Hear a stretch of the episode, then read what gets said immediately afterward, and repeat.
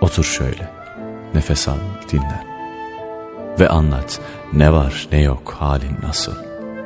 Eğer dersen vaktim yok, dilim yorgun, çamaşır dağ gibi bulaşık bir ziyafet sonrası kadar çok ve çocuklar aç uykulu ve huysuz. O vakit koştur didin, işin bitince otur. Sonra anlat halin nice, keyfin nasıl.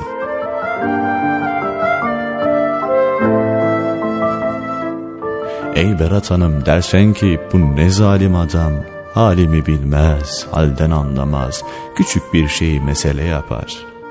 Ne büyük yalan.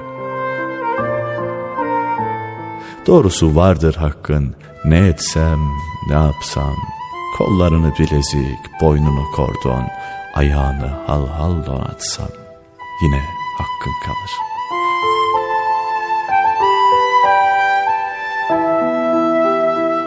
Bizi hoş görünüz, sabırlı olunuz, çocukları dövmeyiniz, zinhar beddua etmeyiniz. Su izan değil, hüsnü zan ediniz.'' ve acaba ikaz ettik, hata mı ettik?